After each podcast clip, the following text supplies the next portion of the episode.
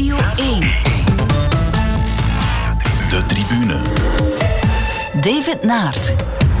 Goedenavond. Het eh, komende uur bekijken we de sportactualiteit van de voorbije week met twee gasten. En vandaag zijn dat wielergasten, mag ik wel zeggen. Sportza-collega Christophe van de Goor. Goedenavond. En Wim Laga, professor sportmarketing aan de KU Leuven, maar ook een wielerfanaat. Goedenavond. Uh, Wim, hoe overleeft de actieve wielrenner in jou de wintermaanden die er nu aankomen? Oh, die overleef ik met um, veel zwiften.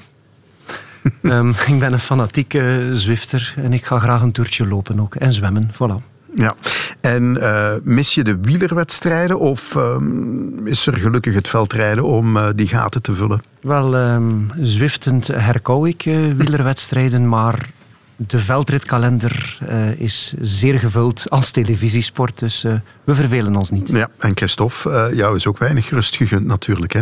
Van het wielrennen rol je in het veldrijden met af en toe een basketmatch ertussen. Zo is het. heel plezant om te doen allemaal natuurlijk. En, en rollen, fietsen en zwiften. Ik zou me toch eens echt moeten laten inspireren, want ik heb ooit een paar rollen gekocht, nieuwe, en die meteen een week later aan collega Tom van den Bulken doorverkocht, want ik word er op de rollen gewoon zot van. Ik heb alles geprobeerd, geprobeerd voor een tablet, voor een laptop.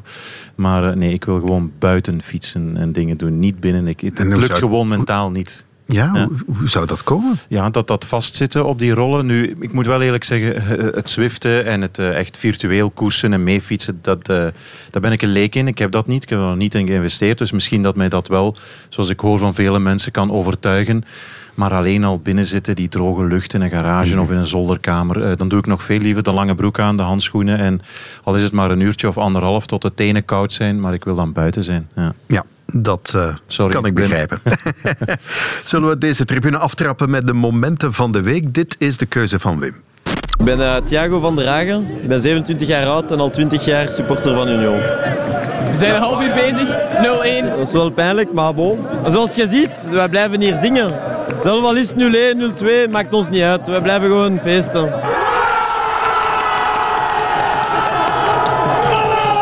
Ja, net uh, de 1-2 gescoord door Mitoma. Prachtige goal, hè. prachtige goal. Goh, Mitoma, onze golden boy weer al. Hij maakt de 4-2. Oververdiend, oververdiend.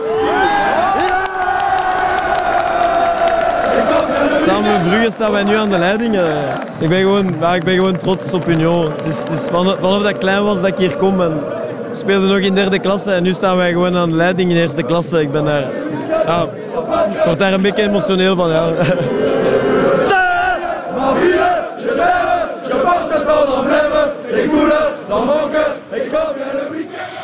Ja, het zijn zotte tijden hè, voor Union-supporters. Ook zaterdag weer 0-2 achter tegen Serrain, 4-2 gewonnen. En op kop dus in de hoogste klasse.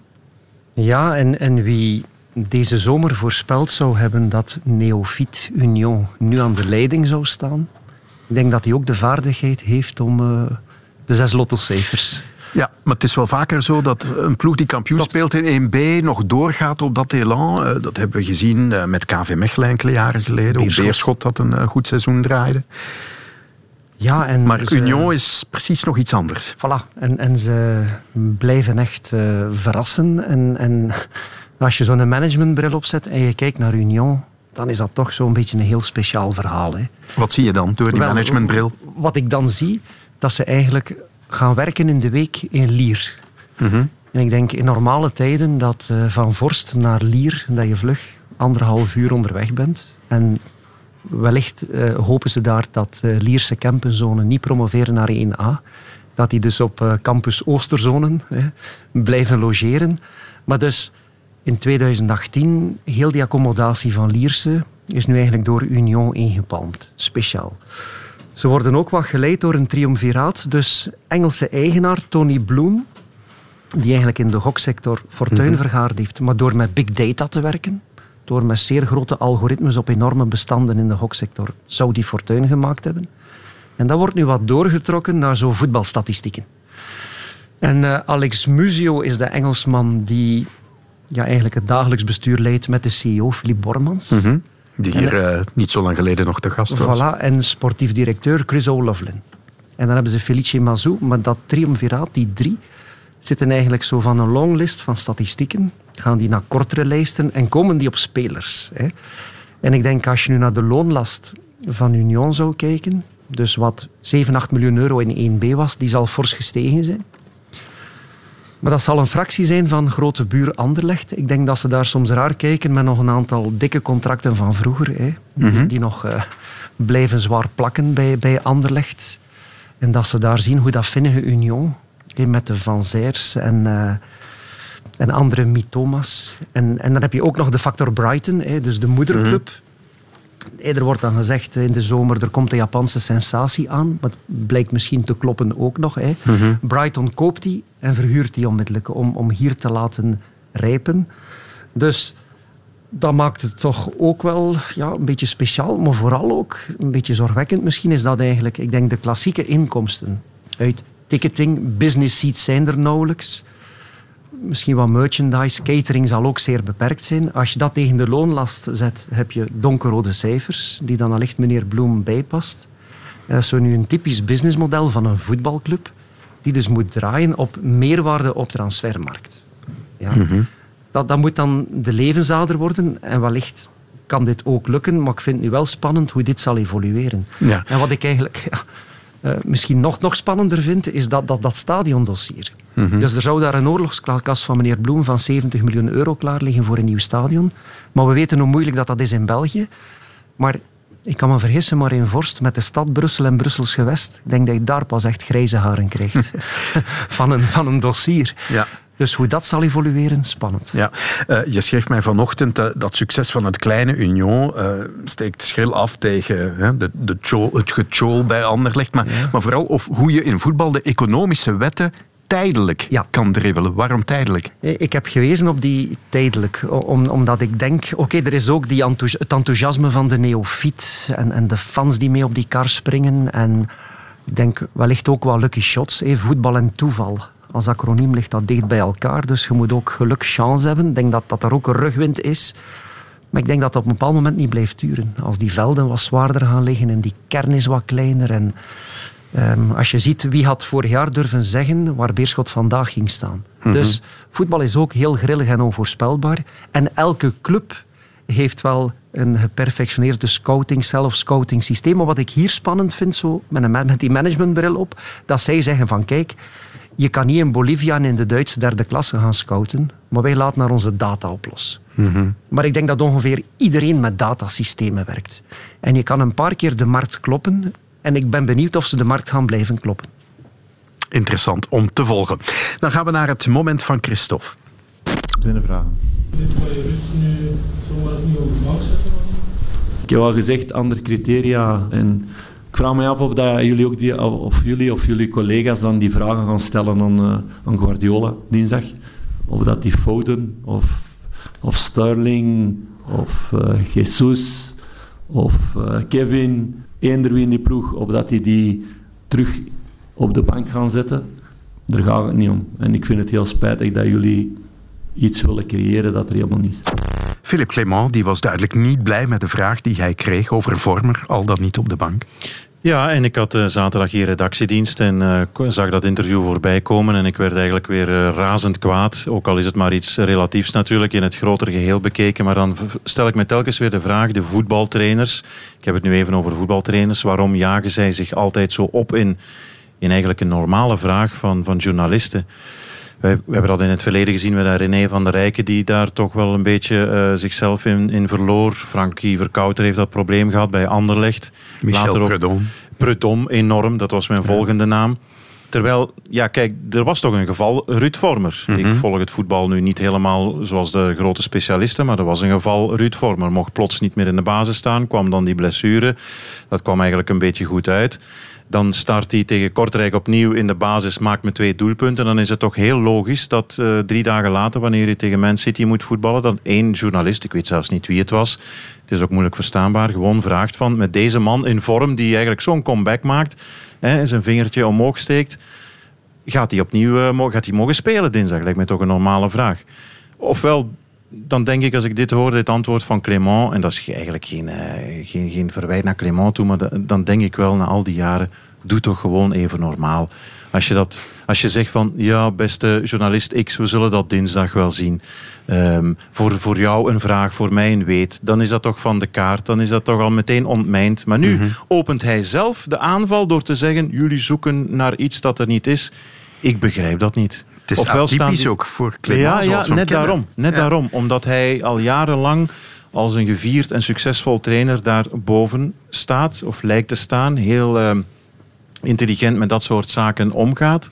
En dan toch zo'n antwoord. Dat, eh, ik vind dat intrigerend. En dan denk ik, waarom toch? Waarom trappen ze in die valkuil? Of, of doen ze... Ja, ach ja, doe gewoon normaal even, toch? Ja. En, en zoveel toptrainers hebben zich daar inderdaad in verloren. En Predom is eigenlijk de laatste.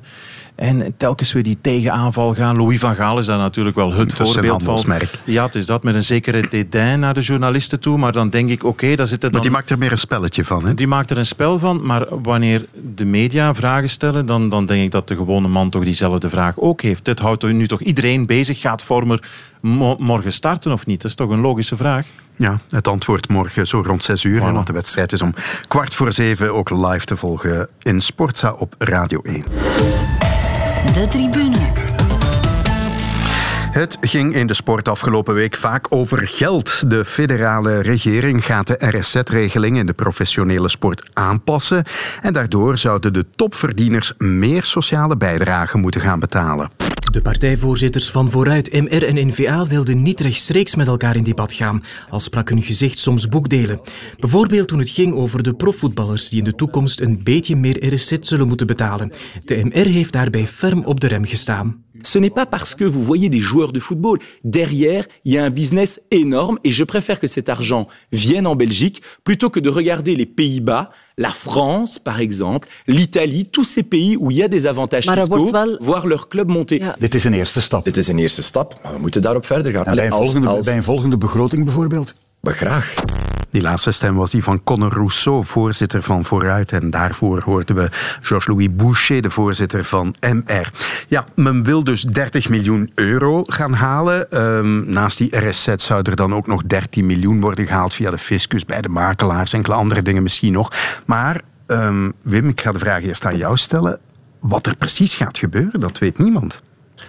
Dat Hoe klopt. dat moet gebeuren, dat weet op dit ogenblik niemand. Ik denk dat die hete aardappel voorlopig naar een eh, werkgroep eh, doorgeschoven is waar technocraten zouden samenzitten met de sportsector.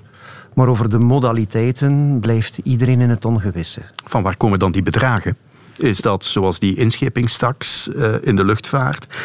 We schrijven het bedrag gewoon al in, in de begroting en we zien wel hoe en wat. Ja, ik denk dat dat momenteel in, in deze fase zit. Want ik vroeg mij af, slaat die 30 plus 13, slaat dat dan op het eh, komende begrotings... sla- Slaat dit op een kalenderjaar? Wellicht wel, dat is het enige wat we weten. Dus. Mhm. Maar eh, de bevoegde minister, Frank van den Broeke, die heeft al wel gezegd eh, dat hij eh, vooral de grootverdieners viseert. Dat er op zich niet veel of zelfs niets hoeft te veranderen voor de modale verdieners. Hè? Want voor, voor alle duidelijkheid, om, om het duidelijk te, te stellen, de, de RSZ-bijdrage van profvoetballers die wordt nu berekend op een vaststaand fictief loon van bijna 2500 euro per maand. En zelfs als je dan heel wat meer verdient, dan nog betaalt die voetballer maar 942 euro aan de sociale zekerheid. Het is dat wat op de schop moet, maar we weten niet vanaf welk inkomen dat gaat veranderen. Voilà, dus die, die vorken zijn niet duidelijk wanneer dus dat progressieve ingaat. Maar ik denk dat Frank van den Broeke en minister van Petegem dat die ook gezegd hebben dat er in de constructie een soort van werkbonus of extra prikkel, extra duwtje in de rug voor de lage inkomens en minimuminkomens. Dus, dus dit maakt het wel wat spannend nu wat er op de sector afkomt. Ja, maar wat, wat zou nu de impact kunnen zijn? Laten we eerst het voetbal eh, bekijken. Hè. De- Ik denk in grote lijnen dat meer dan 90% van die 30 miljoen slaat op de voetbalsector. En de kleine overige 10%, de betaalde sporters, zijn dan wielrenners op kop. Misschien ook een aantal basketbalspelers, professionele basketbalspelers. Nu, voor de voetbalsector, ehm, als je naar de programma's van politieke partijen twee jaar geleden kijkt, pre-corona, dan waren eigenlijk die bedragen die men wou besparen veel groter dan de 30 miljoen waar men op eh, geland is. Dus kan je ergens een meevaller voor de sector betaalde sporten noemen. En dus Voor de voetbalsector gaan dus vooral grotere clubs in absolute bedragen iets meer patronale bijdragen moeten betalen. Dan gaan ook de spelers, de Belgische ingezetenen, ook meer sociale zekerheidsbijdragen moeten betalen. Ja, uh, er is dat voorbeeld ge, genoemd van Simon Mignolet, die blijkbaar nu 3,4 miljoen euro per jaar verdient en 11.000 RSZ betaalt. En dat zou naar 1,3 miljoen gaan. Ik denk dat dat afhangt van de schijven vanaf welke bedragen dat percentages beslist worden. Ik denk Hmm. dat dat nu eigenlijk uh, natte vingerwerk is om daar nu bedragen op te plakken. Ja. Uh, we zullen er eens een paar reacties bij halen uit het voetbal. Het valt mij op dat ze daar veel eer negatief zijn, al bekijkt niet iedereen dat op die manier. Als de kost omhoog gaat uh, en de clubs moeten meer betalen, ja, dan gaat dat betekenen dat er minder centen zijn voor de spelers. Uh, dat betekent dan ook analoog daaraan, denk ik, dat er minder goede spelers naar hier gaan komen of hier gaan willen blijven. Ik vrees een beetje voor inderdaad een, een, een afkalving van het niveau. Uh, ik denk dat Club Brugge er nu het best voor staat. Zij gaan er nog alles aan doen, denk ik, om dat nog heel lang. Maar oké, als, als ze al een rechtstreeks Champions League ticket moesten verliezen, ja, dan zal het de volgende jaren toch ook met een aantal miljoenen minder moeten, moeten gaan. Hè? Want er is een groot verschil tussen Champions League en, en Europa League. Uiteraard zal het een impact hebben. Uiteraard zullen we op korte termijn misschien heel even een stap achteruit zetten. Maar ik denk dat we een stap vooruit zetten met, met het toevoegen van de jeugdploegen in 1B.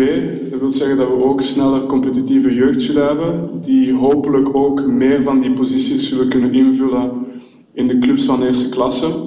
Um, ik denk dat er andere zaken zijn waar misschien wel hulp voor nodig is en waar het terecht is dan misschien de RSZ-regeling, bijvoorbeeld infrastructuur.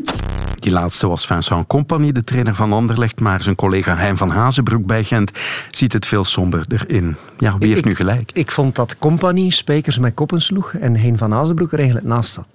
Leg eens uit. Wel, de bedoeling is eigenlijk van een fiscaal systeem ofwel om, als de markt ergens valt, om bij te sturen of om te herverdelen.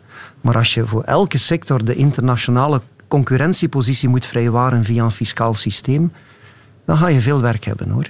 En we hebben toch decennia gehoord van we doen dit voor de jeugdopleiding te steunen, de jeugdopleiding prikkels geeft, waarbij men regelmatig volledig naast schoot met de vele para- en fiscale maatregelen. En, en Compagnie zegt nu, oké, misschien gaan we eens een topspeler missen, maar hebben we geen jaren getimmerd aan een goed scoutingapparaat en jeugdwerking, en gaan we op die manier misschien ja, de loonmassa wat goedkoper maken, hè, door de duurdere lasten, met, met op goedkopere jeugdspelers in te zetten. Ja, maar moeten we dan aanvaarden dat we internationaal een stap terug gaan moeten zetten? Of? Maar, maar, ik denk, het is een illusie. We zijn competitie 8, 9, 10 in Europa. De kloof met de vijf grote markten die is voor eens en altijd nooit te overbruggen. Ja? En het is de taak van een overheid om ervoor te zorgen dat je een spannende competitie op Belgische landsbodem hebt. En af en toe ga je clubs kunnen uitsturen Europees, maar het is niet het doel denk ik, van een overheid om die, die paar Champions of Europa League clubs, om, om daar een klein beetje verschil te maken. En er zijn veel andere maatregelen om het verschil te maken. Ja, je hoort ook stemmen die zich afvragen van ja, moet de overheid wel een rol spelen in deze tak van de sport? Ja. Terechte vraag. En we mogen eigenlijk niet vergeten dat de overheid dat al doet. Hè, want uh, bij jonge spelers kan toch 80% van de bedrijfsvoorheffing opnieuw worden geïnvesteerd ja. in de jeugd. Dat is al een enorme maatregel, gunstmaatregel, waarvan uh, gretig gebruik wordt gemaakt. Niet alleen in het voetbal, ook in andere sporten. Ja. Maar daar komt de overheid eigenlijk al heel goed tussen. En vandaar ook dat heel veel jonge spelers, ook in het basketbal, uh, maar ook zeker in het voetbal, worden aangetrokken omwille van, van die maatregel die bestaat. Hè. Is dat alleen voor jonge spelers of voor ja, iedereen dat die is, uh, bedrijfsvoorheffing? Min 26. Min 26. Ja. Ja. Uh, maar daar lijkt het probleem mee te zijn, uh, en dat hoor je ook, dat de toepassing daarvan niet gecontroleerd wordt. Ja. Dat, dat geld dat gewonnen wordt, dat Wel, dat uh, naar de jeugdwerking het, het, gaat. Het wordt gecontroleerd, maar misschien zijn de voorwaarden niet strikt genoeg of niet stringent genoeg. Ik Mhm. heb mm -hmm. vroeger ook altijd gepleit om een beetje weg te gaan van loonfiscaliteit naar infrastructuurfiscaliteit. Om bijvoorbeeld prikkels te geven. We zitten met enorme infrastructurele uitdagingen. Hè, om daar prikkels te geven. En als dat dan weer naar lonen van die Oezbeekse voetballer van 25 jaar in drie maanden, dan ga je ook weer wat naast je doel schieten. En tegelijk kan je zeggen, nu specifiek de jeugdvoetbalsector, ook op niveau provinciale clubs, amateurclubs, de life skills en voetbalskills die jeugd meekrijgen, van U5 tot U19, dat heeft een gigantische maatschappelijke waarde. Mhm. En ik denk dat de sector meer vanuit dat verhaal ook moet starten, Ja. om de subsidiëring voor een stuk te En eigenlijk wat het, wat het belangrijkste is, ergens toch voelen we allemaal aan met de ellebogen dat, dat dit systeem in anno 2021 niet echt meer te rechtvaardigen is. Hè? Mhm. Ehm, ja, maar wat ik wel mis in heel de discussie, ik zie geen beleidsvisie, ik zie geen strategie. Ehm, ik, ik denk dat het, het grote probleem, eh, en dat is hier vaak ook al wel aangekaart in het verleden, lijkt mij, een relatief lage minimumloon eh, voor niet-EU. Eh, eh, voetballers. Hè. Dat, dat ligt op 85.000 euro per jaar. In Nederland moet je al eh, anderhalf keer het gemiddelde loon van een, een voetballer in de eredivisie gaan uitbetalen. Ehm, die discussie wordt nu niet gevoerd. En als er, als er nu één manier is om de, de jeugd, eigen jeugd meer kansen te geven, dan lijkt het mij wel die regel aan te passen en dat minimumloon voor de niet-EU-spelers fors op te trekken. Mhm. En ik denk dat die discussie voor een stuk niet gevoerd wordt, omdat dan vooral een aantal basketbalclubs problemen zouden hebben om niet om Amerikaanse. Nee, dat is waar, want dat is, dat is inderdaad, de vork is 85.000 eh, dollar, het minimumloon voor een niet-EU-speler.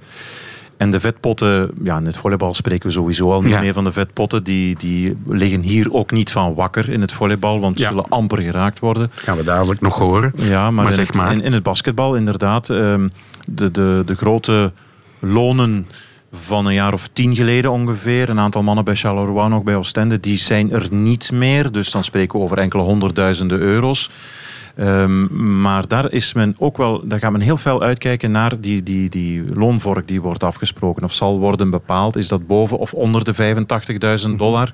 Want dan wordt het inderdaad voor clubs Mhm. moeilijk om nog de betere Amerikanen binnen te halen. Dat is wat je nu hoort in het basketbal. Ja, ja. Ze hebben wel een, een, laat ik me vertellen, een loonsimulatie gemaakt op basis van de loonmassa van een aantal seizoenen geleden. En dan zou deze maatregel min of meer een impact hebben van 350, 340.000 euro. Dus ça va nog eigenlijk. Dus het, is, eh, Ja. het is absoluut niet, men zegt ook van ja, het grote... Het grote geld te halen of het grote sport die wordt, eh, die zal worden aange, eh, getroffen, excuseer, dat is toch wel het voetbal. En Ja. dan het wielrennen en Ja. dan misschien het basketbal. En wat misschien heel interessant is in de vergelijking België-Nederland, dat is soms zo het monster van Loch Ness. Om de paar maand zijn daar weer echo's over de Beneliga. Mhm. Dan denk ik, ja, de voorvechters die nu zwaar lobbyen voor een heel gunstig fiscaal systeem en de deregulering in België, hoe gaan die uitleggen aan de Nederlandse collega's? Stel nu, ehm, het is illusoir, maar dat je samen in zee zou gaan in één competitie, Mhm. dan zou ook alle regelgeving dezelfde moeten zijn. Ja. En dan zal Nederland zich niet kunnen aanpassen naar het Belgisch niveau. Eh, zit je met een zeer ongelijk kader ook. Dus Ja. dat, dat vind ik toch ook wel een interessante om over na te denken. Ja. Binnen die visie. En ik vond het ook heel frappant dat uitgerekend vandaag Antwerp laat weten dat het naar de rechter stapt om, om de Belgenregel aan te vechten. De regel rond de homegrown players, hè, waarvan je er eh, minstens zes op het wedstrijdblad moet staan. Ja, dan denk ik, daar ga je nu geen goodwill mee kweken bij de politieke vrienden. Klopt. Dat is eh, toch een heel vreemde move. Maar zoals je in- twee vragen geleden aanhaalde, de politiek had hier wel een, eh, een beter of een mm, ja, mooier standpunt kunnen neerzetten door meteen concreet op tafel te leggen van dit, zijn, dit is ons idee, zo gaan we het uitwerken. En nu is het inderdaad zoals met de, de vliegtax, we willen naar dat bedrag, maar hoe we het gaan doen, ja, dat zullen we later nog wel eens zien. Ja. Waardoor je toch ook een zekere onrust en zeker niet een een, een positief gedrag krijgt of een positieve houding om als sportsector mee aan tafel te gaan zitten. Want de houding vanuit de sport gaat toch zijn van ja, jullie moeten het ons eerst nog eens gaan uitleggen en dan zien we wel, allee, het is weer van dat, Ja. denk ik. Gemiste kans, Ja. inderdaad. Ehm, je hebt het basketbal al uit de doeken gedaan. Christophe, twee jaar geleden hebben we al eens een rondvraag gedaan in de zaalsporten, hoe ze toen aankeken tegen een eventuele afschaffing was het toen nog, hè, van, van de volledige RSZ-regeling. En bij volleybalclub Aalst klonk het toen zo. Hangt er een beetje vanaf wat uiteindelijk de regeling wordt. Hè. Als het het systeem wordt van alles wordt afgeschaft, dan heeft dat toch wel een impact op ons. En ik hoop dat het voorstel het haalt waarbij dat men onder een bepaald minimumloon het systeem laat zoals het is. En uiteindelijk, uiteindelijk de mensen hè, waar het om gaat, iedereen weet het, is om die exuberante lonen in het voetbal, dat men dat daar een stuk aanpakt. dan zou die impact heel klein zijn. Maar stel dat men het volledig afschaft, dan heeft dat toch een impact van een 100.000 euro op ons budget. Dat is toch een, een 15% van ons budget.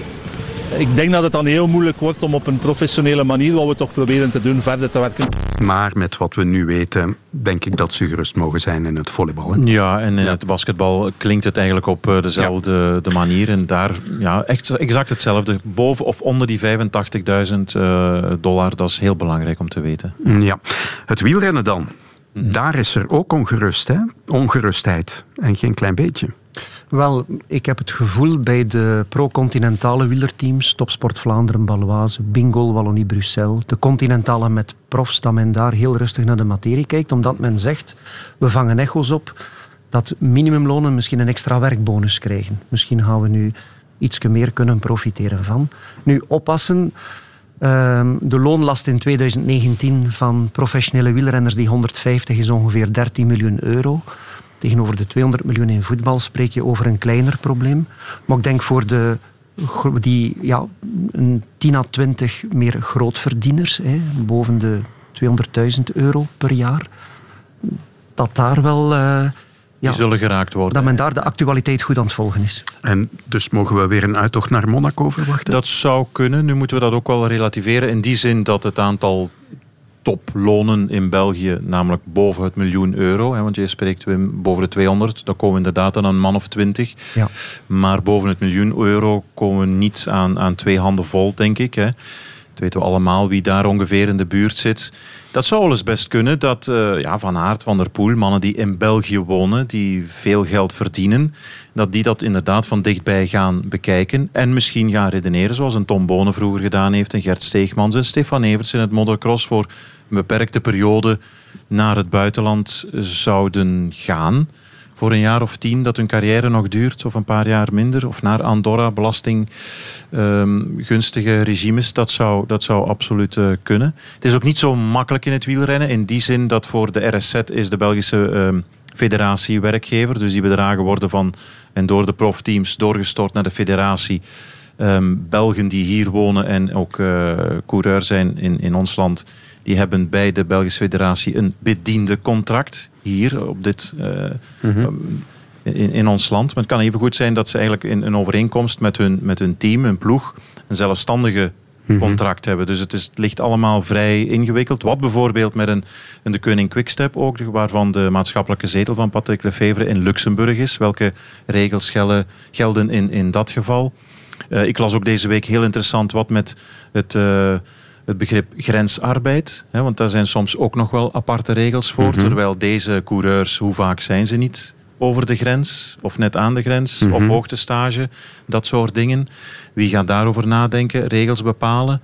Dus eh, het ligt allemaal niet zo simpel. Er is vooral heel veel onduidelijkheid, eh, hoor ik. Maar dat de grote lonen dit dossier van nabij volgen en met argusogen bekijken ten opzichte van de, de lagere lonen, zoals bij Sport Vlaanderen Balwaze, dat, dat is wel zeker. Hè? Ja. De tribune. En mijn gasten zijn professor sportmarketing Wim Laga en sportzaakcollega Christophe van de Goor. Deze maand begon de Wereldbeker veldrijden met een drieluik in de Verenigde Staten en twee overwinningen voor deze Elie Iserbiet. Zin om terug in België rond te rijden? Het is volgende week zaterdag iets dichterbij, in Ruddervoort. Ja, het is hier ook wel plezant, dus het is jammer dat we moeten vertrekken. Dat is eens een ander geluid. ja, alles is goed geregeld, het is hier heel professioneel. Eh, Ellen van het team heeft alles voor de renners ook goed geregeld. Dus, eh, en eh, ja, ik heb er al verdiend, dus dat mag ook gezegd worden. Hè. Een zeldzame stem die positief was over de trip naar het verre Amerika. Samen met de mannen van Balwaze Trek natuurlijk, hè, team Sven Nijs. Want Ja. ook als je hen volgt op sociale media, Instagram, dan was het echt wel een boys camp van een week of twee. Ehm, daar zat ook wel een soort van tweestrijd, las je, hè, tussen de ploegen die het allemaal zelf moesten bekostigen en zelf de trip organiseren met maar twee fietsen in plaats van vier, met maar minder tuben naar Gins, terwijl dan het team van Sven Nijs, en ik begrijp die kritiek wel, die komen daaraan. Ehm, in Waterloo, een grote eh, fabriek is daar. Eh, bij mij, wijze van spreken, mama die gewoon zegt van hier staat alles klaar.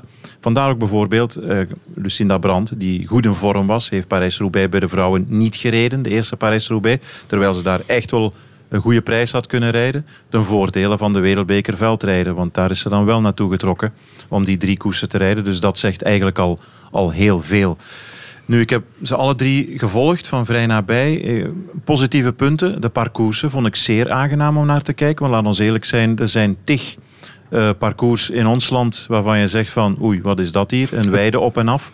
Terwijl dat eigenlijk in, zeker in Fayetteville, ondanks de regen en... Uh, en uh, gisteren was het, hè, want de, tijd gaat snel.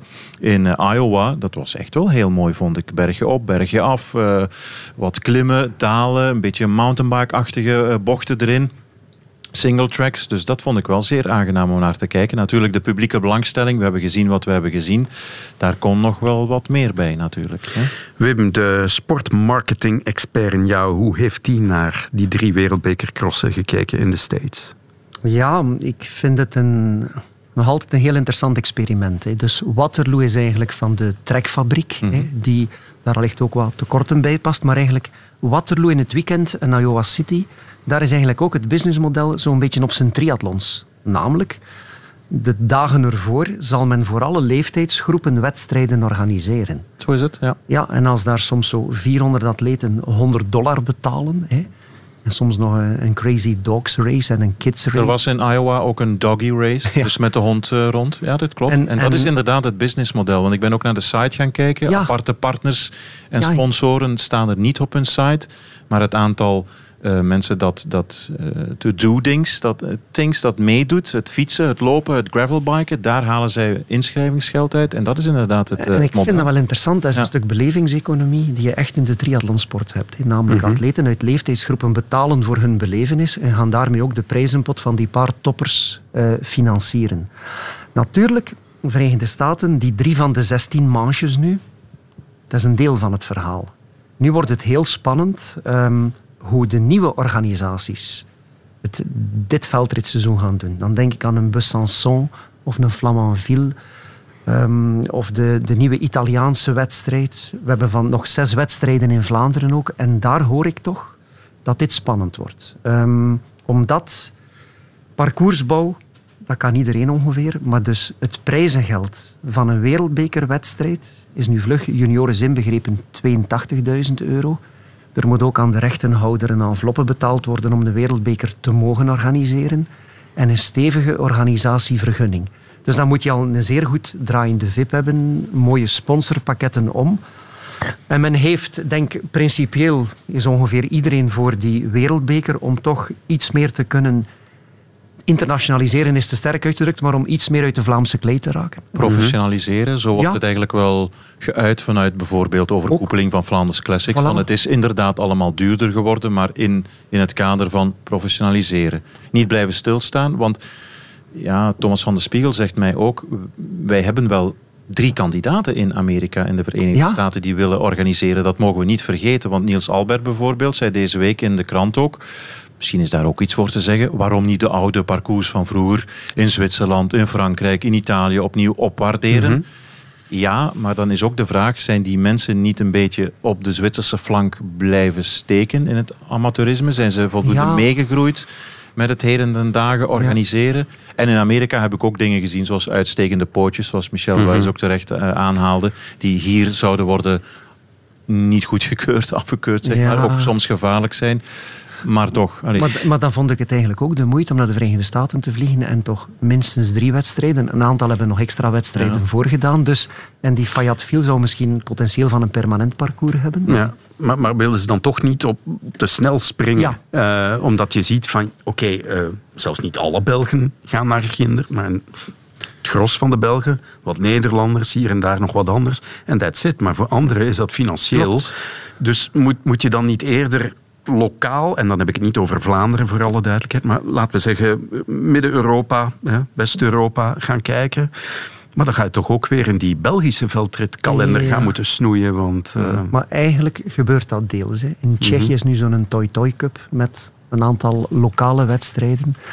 Ja, en in Vlaanderen zijn het jongst anderhalf jaar ook hilarische ruzies en discussies geweest om die Vlaamse kalender of die veldritkalender wat te rationaliseren. Ja, want iedereen heeft daar proberen de laatste jaren zijn graadje van mee te pikken, ja. omdat het heel populair was en er geld te verdienen was. Ja, mm -hmm. en nu willen we vooral zeggen zondag, zondag, zondag, dat is wereldbeker. En van die 16, zes in Vlaanderen, oké, en drie Hm. half Vlaamse. Ik denk met Hulst, Hogerheide en Rupfen, net over de grens, is zoals semi-Vlaams. hè. Hulst is dan het Waasland, Ja. naar Hulst, een Vlaamse organisator. Maar, maar, Ja. maar is, eh, ja, we, we- we praten daar nu al zoveel jaren over, over hoe we dat eh, breder en groter kunnen krijgen, maar blijft de eeuwige handicap niet dat je spreekt over een niet-Olympische sport? Ook en cultuur, denk ik. Eh, in Amerika, ja, baseball, basketbal, eh, honkbal en, en ijshockey en American football. Men heeft in de jaren 70 en 80 toch geprobeerd met Pele, met Cruyff, om het voetbal naar een hoger niveau te tillen. En dat is eigenlijk ook niet gelukt om daar door te dringen in de top 4 van, van de sporten. Eh, koers en voetbal zijn, zitten gewoon genesteld en gebeiteld in onze cultuur. Ik kan die vraag stellen van wat is er mis met dat gewoon in de lage landen te laten? Aan de andere kant zijn er mensen die zeggen wat is er mis om dat proberen uit te dragen op internationaal toneel en naar Amerika te gaan. Ook daar is iets voor te vinden. Ik probeer mij dan in te beelden, ja, wat, wat is de economische markt? Die moet gigantisch groot zijn in de Verenigde Staten om uit te breiden met het fietsen. Trek is daar inderdaad zeer in geïnteresseerd, maar dan zie je toch de lokale sponsors hier van bij ons, eh Powels en Etias, die hingen daar ook op de spandoeken in Amerika. Dat zijn de vaste Mhm. koepelsponsors. Ja. Maar eh, Amerikaanse waren niet echt te zien. Dat zou kunnen, eh, vingertje omhoog, kijk, er zijn geen Amerikaanse sponsors. Maar zoals Wim terecht aanhaalde, misschien is er wel een ander verdienmodel. Dus bij alles, en is er niet alleen een wit-zwart verhaal, maar het is een, beetje, een beetje Ja. tussenin. Hè. Het is moeilijk. Hè. En ik denk, wat ook een verschil is met vroeger. Hè. We zijn nu ondertussen al 29ste jaar wereldbeker. Hè. In vergelijking met ongeveer 10 jaar geleden liggen daar nu wel twee producten voor de prijs van 1,3. Dus namelijk, naast het herenformat is daar een spannend damesformat. Mhm. Mhm. En gelukkig is dat iets meer geïnternationaliseerd dan vooral de Vlaams-Nederlandse volksverhuizing. hè, Met Jolanda Neff, een Amerikaanse, Mhm. Canadese veldrijdsters. eh, iets meer, maar wel sterke Nederlandse dominantie.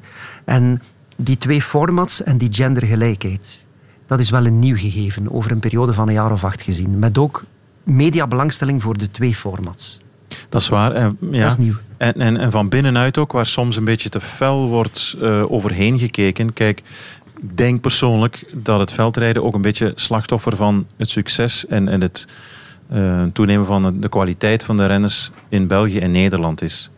Dat is begonnen met eh, Niels Albert, met Sven Nijs. Die hebben het niveau zo hoog getild dat heel veel jongens, zoals een Philip Walsleben, die kwam zelfs in Aarschot hier wonen om het goed te doen, niet echt geslaagd in zijn carrière. Een aantal Zwitsers hebben het geprobeerd, Tsjechen, die iedere weekend op en af moesten rijden van Tabor naar hier, om dan zeventiende of veertiende te worden, omdat het niveau in Vlaanderen zo hoog lag. En dan zijn er nog eens Van Aert van der Poel bijgekomen, dat dat in zekere zin ontmoedigend heeft gewerkt voor de buitenlanders. En dan krijg je dit soort afkalving van het internationale.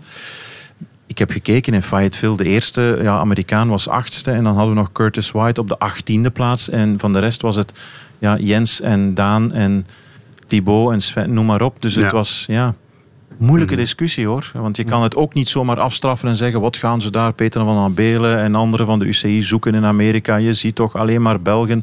Als je niet probeert, geraak je nergens. Aan de andere kant, het is al tien jaar dat we gaan crossen in, eh, in de Verenigde Staten. Dus echt dus grote stappen vooruit zijn er ook niet echt. Ze hebben ook geen, geen echt voorbeeld. Een Jonathan Page bijvoorbeeld. Maar ja, wie kende die jongen? Eh, Lance Armstrong in de Tour gewonnen zeven keer. Greg LeMond hebben zij het, het wielrennen op de weg hoger kunnen tillen. Ook niet echt. Dus er zit ook veel gebeiteld in, in de cultuuruitleg. Hoor. Ja. Een sportief vraagje nog over eh, die crossen in Amerika. De vrouwen. Die hebben wel voor spektakel gezorgd. de- Zeker zoals- gisteren ook weer. Net eh, zoals vorig seizoen, het ja. seizoen eh, voordien, daar zijn we stilaan allemaal over eens dat er eh, qua spektakel veel meer te zien is bij Betsema, Vos en co. En da- daar heb je nog wel ietsje meer buitenlandse ehm, veldrijdsters die zich daarin mengen. Dus eh, nee, die zorgen iedere week weer, en dat is niet één keer om de drie weken, maar iedere cross is dat op het scherp van de snee. En zo mooi dat een Marianne Vos een week naar Roubaix naar Gins gaat, meteen huppakee, vliegen, knallen maar en winnen. Dat is, eh, ja... Alleen de Belgische inbreng zou wat groter moeten zijn. Daar moeten zich inderdaad weer wat talentjes gaan aandienen. Want, Want naar, eh, is er helemaal niks, hè? Alicia Frank een beetje, maar we zijn naar beneden aan het gaan, dat klopt. Ook al zegt de federatie dan we, dat er heel wat eh, projecten op poten staan, maar daar heeft de tijd ons nog eigenlijk in te halen. Sportza. We blijven in het wielrennen, want afgelopen week is het Tourparcours voorgesteld. Dat van de Tour bij de mannen. Maar eindelijk is er ook weer een ronde van Frankrijk voor vrouwen. Est-ce que c'était le missing link en, en cyclisme féminin, le Tour de France C'est ce que je dis souvent en fait, que ce soit pour les hommes ou pour les femmes, quand tu te promènes dans la rue et qu'on sait que tu es cycliste, la première chose à laquelle les gens vont penser et qui vont te poser comme question, c'est Ah, tu es cycliste, donc tu as fait le Tour de France. Et si tu réponds non, bah pour eux en fait, tu pas un vrai cycliste. Donc les garçons, ça marchait pour les garçons et maintenant ça marchera également pour les femmes. Donc ouais, c'était, je pense, une étape importante, mais en même temps cohérente qui arrive au bon moment pour le cyclisme féminin. Dat was Marion Roes, de wedstrijddirecteur van de Tour de France Femmes, zoals de wedstrijd officieel heet. Ja, Wim, long overdue, zou ik zeggen. Eindelijk uh, steekt ASO zijn nek uit. Dat heeft lang geduurd. Ja, je zou kunnen zeggen uh, too little and too late. Hè. We zijn 2021, wanneer de Ronde van Vlaanderen, denk 2004, Gent-Wevelgem, Giro Rossa is blijven bestaan. Uh, maar het is toch een belangrijk signaal, want uh, ASO, die Franse mediagroep, is eigenlijk de leider economisch in het wielrennen. En het is een goede start, denk ik, die acht dagen. Prijzenpot van 250.000 euro. Nou, vrouwennormen is ongezien. is iets meer prijzengeld dan Dauphiné. Dus ik denk dat dat echt een opsteker is. Die zondag in Parijs starten, denk dat dat ook een goed signaal is. Nu, het was beschamend vroeger. Hè. Uh, die, La Course. La Course, die, die één dag uh, was vroeger een veredeld criterium op de Champs-Élysées. Dan, dan wel een aantal spannende wedstrijden uh, gehad. Maar dit is een hele mooie duw in de rug voor. Dus ik kijk er heel positief naar. Christophe? Ik was een klein beetje ontgoocheld toen ik het parcours zag. En Waarom? Nu, ja, omdat het de ronde van de Vogezen is eigenlijk. Ja. Ja, het is niet de ronde van Frankrijk. Maar goed, elk begin is moeilijk inderdaad. En men uh, zoekt dan ook de Chemin Blanc, grindwegen, gravel roads op in, uh, in de Champagne-streek. Mm -hmm. Dat is dan toch weer ergens zoeken naar een klein momentje van sensatie. Maar voor de rest zijn het dan vier etappes met La Planche Belfi natuurlijk in, in de Vogezen. Ik snap dat ook wel dat dat voor een eerste keer misschien niet helemaal haalbaar is om en naar de Alpen en de, de Pyreneeën te gaan. Maar toch, uh, ja, absoluut een kans geven. Ja. Maar het frappeert mij toch dat ASO, wat in het wielrennen voor zoveel mensen de norm is, wij kijken daar denk ik als Vlamingen nog wel ietsje anders tegenaan, zo lang gewacht heeft en uiteindelijk ja, nu nog relatief voorzichtig is in de allereerste editie. Dat is waar. En zelfs bij La Course had ik uh, dat gevoel dat het er eigenlijk werd bijgenomen omdat de publieke opinie dat vroeg en eiste en dat er een beetje druk van buitenaf was. En oké, okay, we zullen dat dan maar als voorwedstrijdje doen uh, voordat de mannen aankwamen. Vorig jaar, of ja, dit jaar, hè, want we zijn nog altijd 2021, hadden we dan wel 's ochtends uh, de eerste etappe gewonnen door Alaphilippe. Een, een interessante aankomst bergop. Maar toch, het was zo altijd, s morgens vroeg om 8 uur starten. Allee, doe jullie koesje maar. En dan weer uh, gaan wij drie weken uh, mannentour doen. Mm -hmm. Dus dat gevoel had je wel. Daar doen ze nu een schep bovenop. Maar zoals Wim terecht opmerkt, als je vergelijkt met wat Vlaanderen al doet voor vrouwenkoers. En ook in het veldrijden, maar ook uh, in, in de klassiekers. Dat mm -hmm. is al veel eerder ingezet. Want ASO is ook de eigenaar van de Waalse Pijl en Luik Bastenaken Luik. Ook daar uh, hebben ze heel erg lang gewacht om die vrouwenwedstrijden te capteren zelfs. Hè? Want vroeger kreeg je bij wijze van spreken de laatste kilometer. En nee, nee, dat, dat was waar, het dan. Hè? Jarenlang ben ik eigenlijk op de radio de enige geweest die live kon zeggen van Anna van der Breggen wint hier voor de 64ste keer de Waalse Want Pijl. niemand zag het. Want niemand zag het, dus dat klopt helemaal. En met Luik Bastenaken Luik was het nog erger. Dus daar zijn ze wel ietsje vroeger op die kar gesprongen, ook met die klassiekers. Hè. Dus die, die, die vinden wel al een aantal jaren plaats. Maar dan nog maar... eens, niemand wist het, want je zag het niet. Nee, en wat daar de precieze reden voor is, dat, dat weet ik eigenlijk gezegd ook niet. Of eerlijk gezegd, het, uh, ik de denk dat druk daar, nam wel toe. Hè? De druk nam toe. Ja, en ik denk dat, zoals heel veel, alles bij ASO een, een geldkwestie zal geweest zijn. Ja. En daar weten ze toch hoe de machine draait. Ja, ja. En ik Want, denk, ja, het zal ook een investering zijn natuurlijk. Uh, vanuit, maar allee, bon, het blijft too little and too late. Je kan het niet vergoelijken. Dat dat pas in 2021... Ja. Uh, uh, het is nu een, een, ronde van acht dagen. Mm -hmm. gaat dat nog groeien, groter ja, worden? de Gaan ze de Alpen intrekken, ja. de Pyreneeën? Ja, dat is wel de bedoeling, want Marion Roes, overigens met een, een zeer mooi Frans accent, moet ik zeggen. Of eigenlijk geen accent, een zeer mooie uitspraak. Zij kreeg die vraag uiteraard meteen ook, hè, afgelopen donderdag in, uh, in Parijs. En was daar duidelijk goed op voorbereid. En zei van ja, absoluut, het wordt wel de bedoeling om dat uh, uit te breiden. We gaan dit ook als een experiment zien. De eerste keer een ronde van acht dagen. En dan is dat wel uh, de bedoeling. Ja. Mm -hmm. En wat misschien ook nog een misschien nog een belangrijker signaal in de markt was, dat was vorige week. Hè. Dan heeft het management van de Verenigde Arabische Emiraten, team van Pogacar, afgekondigd dat er vanaf volgend jaar een Women's World, tier, World Team komt. En dat is op zijn minst allez bon, zeer verrassend en aangenaam nieuws. Ik denk, de Golfstaten, ik kan me vergissen, maar hebben niet, niet het meest vrouwvriendelijke imago. Hè. En dus dat vrouwenteam, dus na Kofi, die is een paar maanden geleden. Dus ik ben ook al lang pleitbezorger geweest voor integratie van een Women World Team binnen de piramide van World Teams. En dat gaat er vroeg of laat aankomen. We zijn al aan een acht, negental World Teams. Dus dat is ook weer een belangrijke opsteker, denk ik, voor de sector. Ja. Ook wel interessant vond ik, ik denk twintig teams van zes, zes rensters die de Tour de France gaan betwisten. Ik heb niemand horen protesteren dat zes rensters te weinig is om een ronde aan te kunnen. Dus we hebben vroeger die discussie en nog, voor spankracht heb je zeven of acht renners nodig, of zes. Uh, vind ik ook wel een interessante om mee te Alleen opletten, denk ik, in het vrouwenwielrennen op de weg dat er niet een, een wildgroei gaat komen en daardoor de kwaliteit een beetje gaat dalen.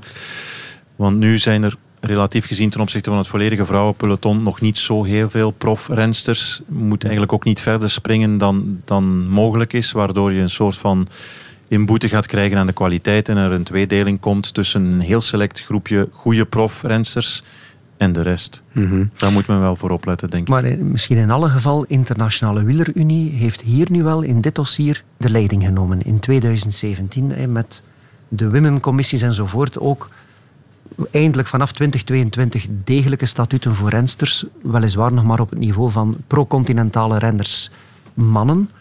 Maar eigenlijk hinkt de ASO nu eens na op een dossier waar mm UCI de leiding neemt. En misschien voor de wielerregering was dat ook hun taak om prikkels te geven. Eén vraagje nog eh, voor jou, Christophe, over de ronde bij de mannen dan. Die rit met elf kasseistroken. Hoort dat nu in de ronde van Frankrijk? Ik, uh, ik heb daar geen problemen mee, eerlijk gezegd. Nee, Mhm. nee, waarom? Ik snap telkens weer die discussie niet wanneer mannen zeggen, of, of ploegleiders of eh, managers, dit hoort niet thuis in een grote ronde.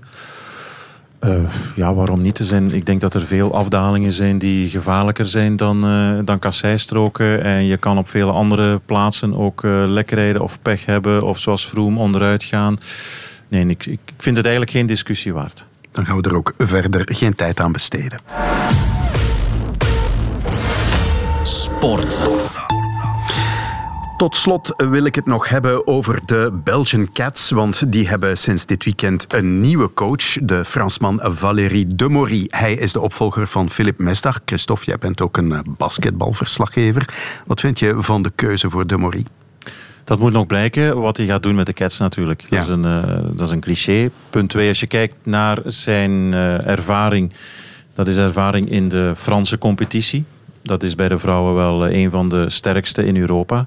Dus dat telt wel. Hij heeft daar uh, een carrière afgelegd tot nu toe, of, uh, ja, gemaakt bij de topclubs, bij Montpellier, bij uh, Lyon, team dat niet alleen een, een, heel goed mannenteam heeft onder leiding van de nieuwe baas Tony Parker, hè, de Tony Parker, maar ook een aantal jaren bij de vrouwen, is dan in oneenigheid gekomen met uh, Tony Parker en is dan nu terug naar Montpellier.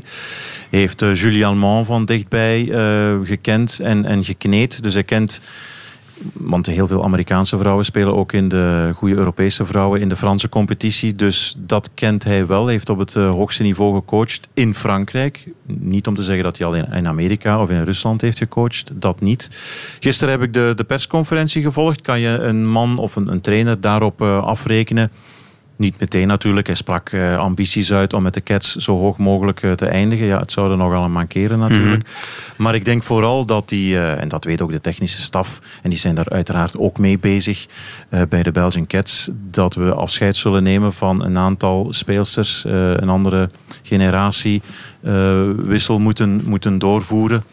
Emma Meeseman, dat werd benadrukt. Dat zei Koen Umans gisteren ook, de, de manager van de Cats. Economischer omgaan met de speelsters. Dan haakte ik daarop in en was de vraag van wat bedoel je daar dan mee? Wel dat bijvoorbeeld een Emma Meeseman in belangrijke wedstrijden, ook in Tokio hebben gezien, 3, 34 van de 40 minuten moest spelen. Ja. Dat daar qua rotatie in, uh, in, in, bij de Belgian Cats wat beter moet mee omgesprongen worden. Zoals de echte keyspelers, de toppers die we toch hebben. Meeseman, Allemand. Een Jana Raman, en Antonia Delare, dat die op belangrijke momenten frisser in de match kunnen zitten. En vooral, er moet worden gebouwd vanuit het idee, David, en dat is heeft bij iedereen heel hard erin geslagen. En ook vooral bij Emma Meeseman, de beste speelster ter wereld misschien wel. Dit in Tokio is een ongelooflijke gemiste kans.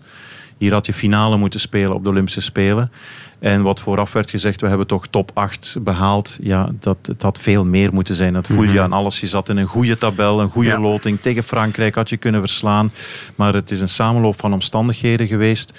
Is dat alleen de fout van de coach Mesdag? Nee, natuurlijk niet. Ook van de spelers, speelsters. Het is echt, uh, maar het is een enorme gemiste kans. Achter ons laten en, en vooral focussen op de toekomst. Een toekomst die, die heel direct is, want Emma Meeseman is 28. Mm -hmm. wordt 30 uh, eh, wanneer we de Olympische Spelen hebben in Parijs. Dus uh, zoveel kansen gaan er niet meer zijn. Ja, en op uh, korte termijn volgende maand de EK-kwalificatiewedstrijden tegen Bosnië en Duitsland. Duitsland. Dat is niet van de poes. Maar zoals je zelf zegt, er is wel wat veranderd. Hè. Carprio is gestopt als mm -hmm. international.